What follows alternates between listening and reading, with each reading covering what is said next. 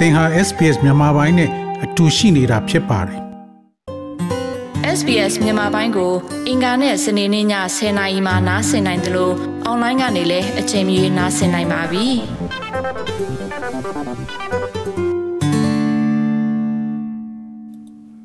တော်ရရှိမြခင်ဩစတြေးလျမှာအခြေချနေထိုင်သောသူများဟာရေကူးတင်ယူခြင်းကိုဦးစားပေးပုံမရပါဘူး။ဒါပေမဲ့လည်းလက်တွေ့မှာ ဩစတြေးလျပြင်ပမှမွေးဖွားသူများသည်ကျွန်ုပ်တို့ရဲ့ရေနစ်သေးဆုံးမှုစည်ရင်စရာတွင်နှစ်စင်လိုကိုစားပြုမှုများပိုများနေတာဖြစ်ပါတယ်။ဩစတြေးလျမှာရေကူးခြင်းသည် အသက်ရှင်မှုအတွက်အချက်အချာဖြစ်သောဘဝကျွမ်းကျင်မှုတစ်ခုဖြစ်ပါတယ်။ ဘယ်အသက်အရွယ်မဆိုရေကူးတင်ယူခြင်းသည်သင်အားရေနစ်ခြင်းမှတားဆီးနိုင်ုံသာမက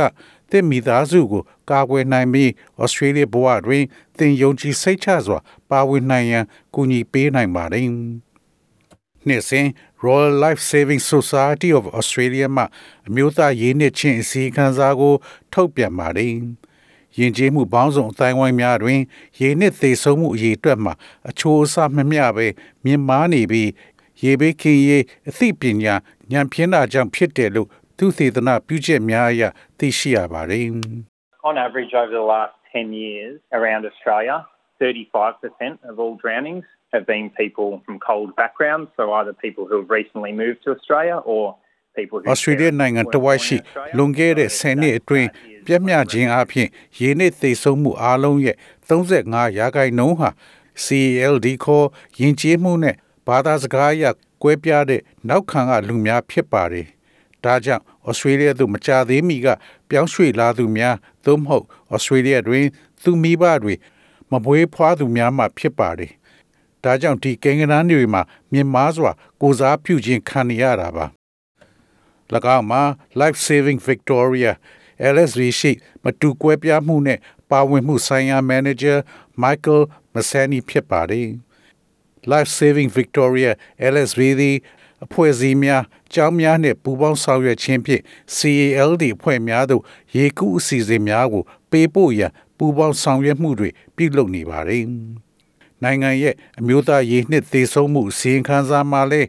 ရေနှစ်သေးဆုံးသူ80ရာခိုင်နှုန်းမှာအမျိုးသားများဖြစ်ကြောင်းတွေ့ရှိရပါတယ်။ We believe that this is because men generally bigger risk takers. Maybe they overestimate their ability in the water. Sometimes they think they can do things that they can't. And also, particularly in our cold groups, so people who are newly arrived to the country. Women ဒါကအမျိုးသားတွေဟာရေဘူးရအားဖြင့်ပိုကြီးမားတဲ့ရဲစွန့်လို့တဲ့လူတွေလို့ကျွန်တော်တို့ယုံကြည်ပါတယ်။ရေထဲမှာသူတို့ရဲ့စွမ်းရည်ကိုလွန်ကဲစွာတွက်ဆထားနိုင်ပါတယ်။တခါတရံမှာသူတို့မလုံနိုင်တဲ့အရာတွေကိုလုံနိုင်တယ်လို့ထင်မြင်နေကြပါတယ်။ အထူးသဖြင့်ကျွန်တော်တို့ CLAD အဖွဲ့တွေမှာလည်းပါတဲ့နိုင်ငံကိုအသက်ရောက်လာတဲ့လူတွေပါအမျိုးသမီးများသည်ကိုလက်လှုပ်ရှားမှု အားကစားနှင့်ရေကူးခြင်းကို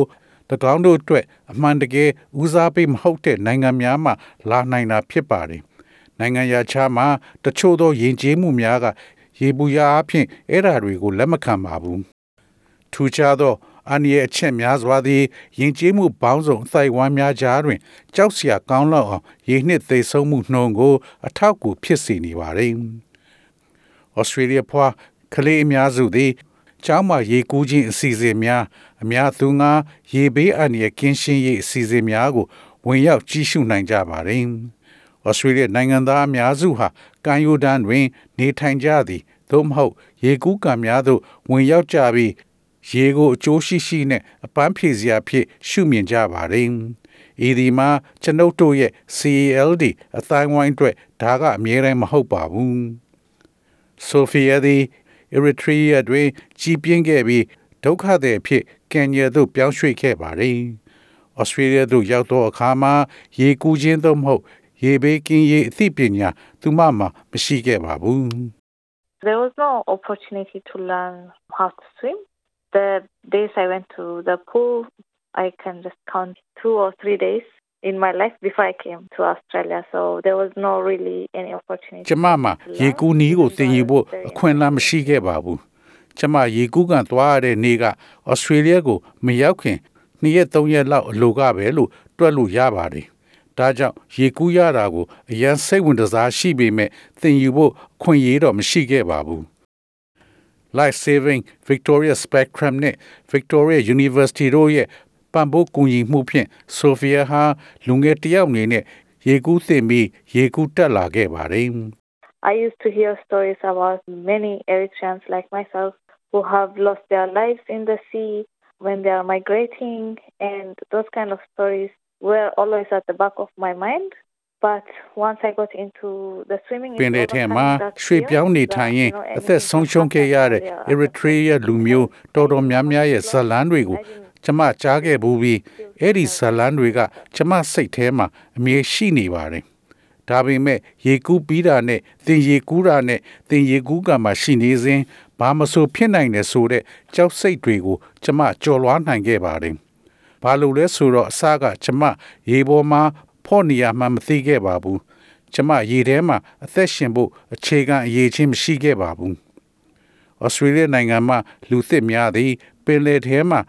ရေရှားလာသောအားပြင်းသောရေစီးကြောင်းများနှင့်ဩစတြေးလျကမ်းခြေများရှိ အကြီးမားဆုံးအန္တရာယ်ဖြစ်တဲ့ ribs ကဲ့သို့သောပင်လယ်ထဲပြန်လည်ဆွဲသွားသော ရေတုရဲ့အန္တရာယ်များကို မကြာခဏသတိပြုနိုင်ခဲ့ခြင်းမရှိကြပါဘူး။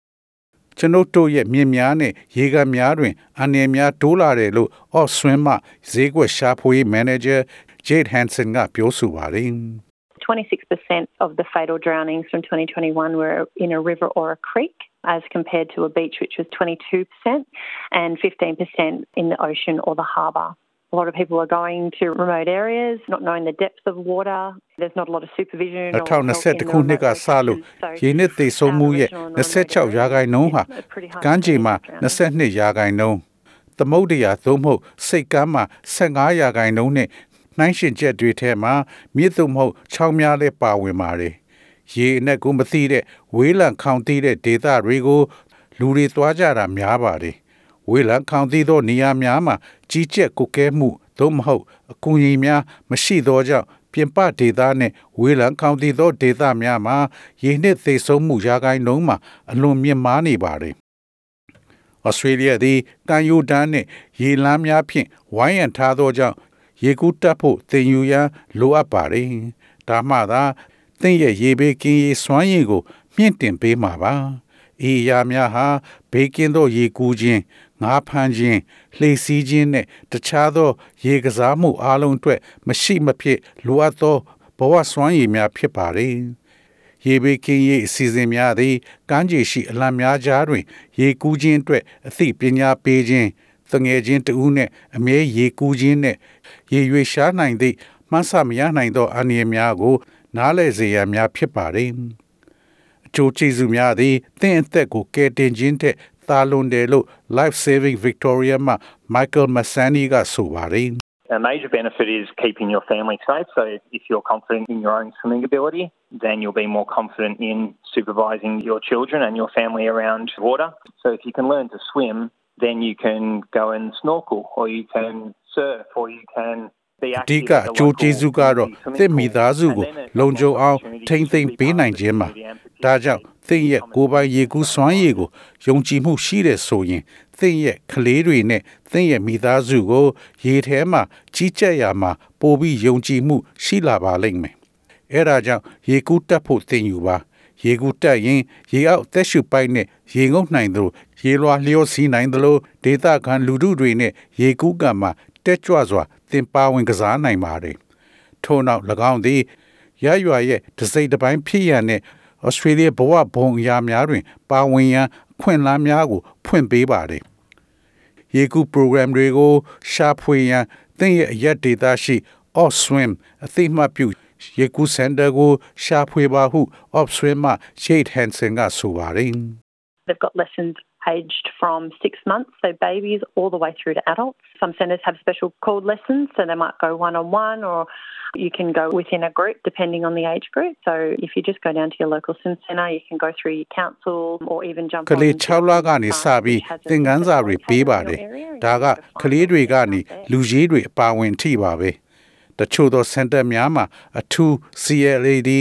သင်ခန်းစာများပါရှိသောကြောင့်၎င်းတို့သည်တူချင်းလှုပ်ဆောင်နိုင်ပါတယ် သို့မဟုတ်အသက်အုပ်စုပေါ်မူတည်ပြီးအုပ်စုတစ်ခုအတွင်းသင်သွားနိုင်ပါတယ်။ဒါကြောင့်သင်ရဲ့ရက်ွက်ရှိ ရေကူးစင်တာကိုသွားပါ။သင်ရဲ့ရက်ွက်ရှိ council ကိုသွားနိုင်တယ်။ဒါမှမဟုတ်သင်ရဲ့ area ထဲမှာရေကူးစင်တာတည်ရှိတဲ့နေရာတွေကို Oswim website ကိုသွားပြီးအသေးစိတ်အချက်လက်များကိုသင်ရှာဖွေနိုင်ပါတယ် ရေကူးသင်ငန်းစာတစ်ခုရဲ့ပြမျှဈေးနှုန်းသည်ရေကူးကန်ဒီနီယာပေါ်မှာမူတည်ပြီးအုပ်စုလိုက်ဖြစ်စေတူးချင်းသင်ငန်းစာဖြစ်စေပေါ်မူတည်ပြီး16ဒေါ်လာမှ26ဒေါ်လာကြားမှာရှိပါတယ်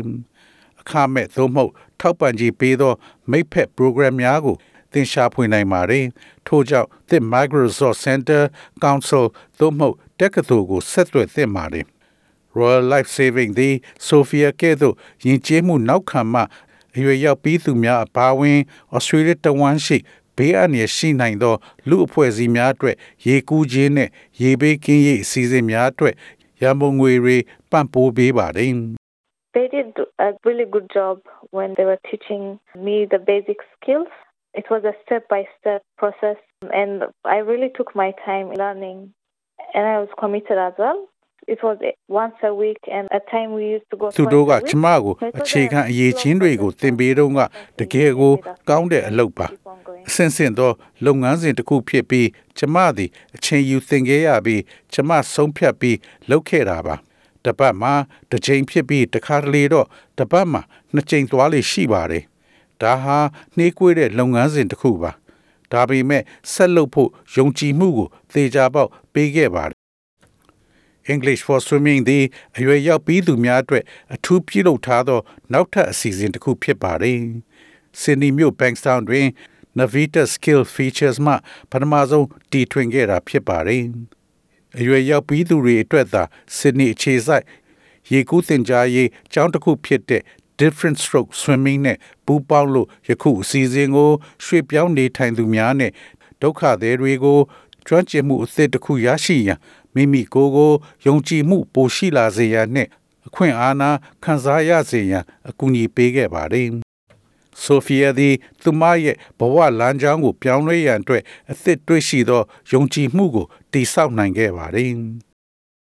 From learning how to swim for myself, I have moved into teaching children how to swim. So that's really amazing because I get to share the skills and what I really love into teaching other people basic survival skills as well as good swimming skills. It's amazing when you see a child who when they first ကျ come မ to the ကိုယ်တိုင် pool, they're ရေကူးနီးကို really သင်ယူ afraid ပြီးက and တည်းက over time ကလေးတွေကို their ရေကူးနီး confidence သင်ပေး building ပါတယ် and ဒါကြောင့် gives တ them ခြားလူတွေကို achievement အခြေခံအသက်ရှင်တန်ရေးကျွမ်းကျင်မှုနဲ့ရေကူးကျွမ်းကျင်မှုကောင်းစွာတွေကိုသင်ပေးရမှာ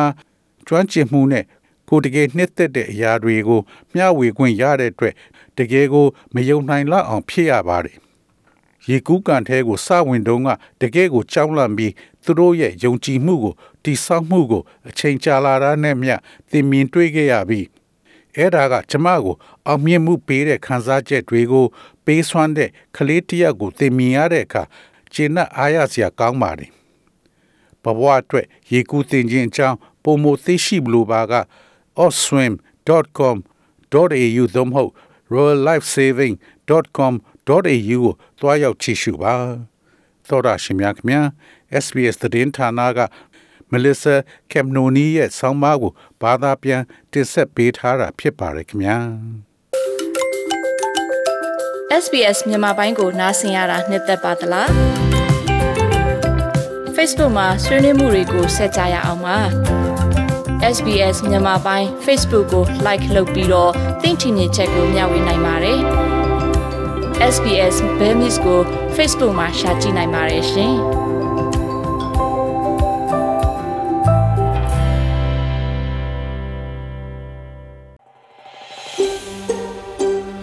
ဒါမျိုးသတင်းဆောင်မတွေကို ပိုနားဆင်လိုပါလား Apple Podcast Google Podcast Spotify တို့မှာသင်ပင်ရာဖြစ်ဖြစ်ရယူတဲ့ podcast ကနေပါ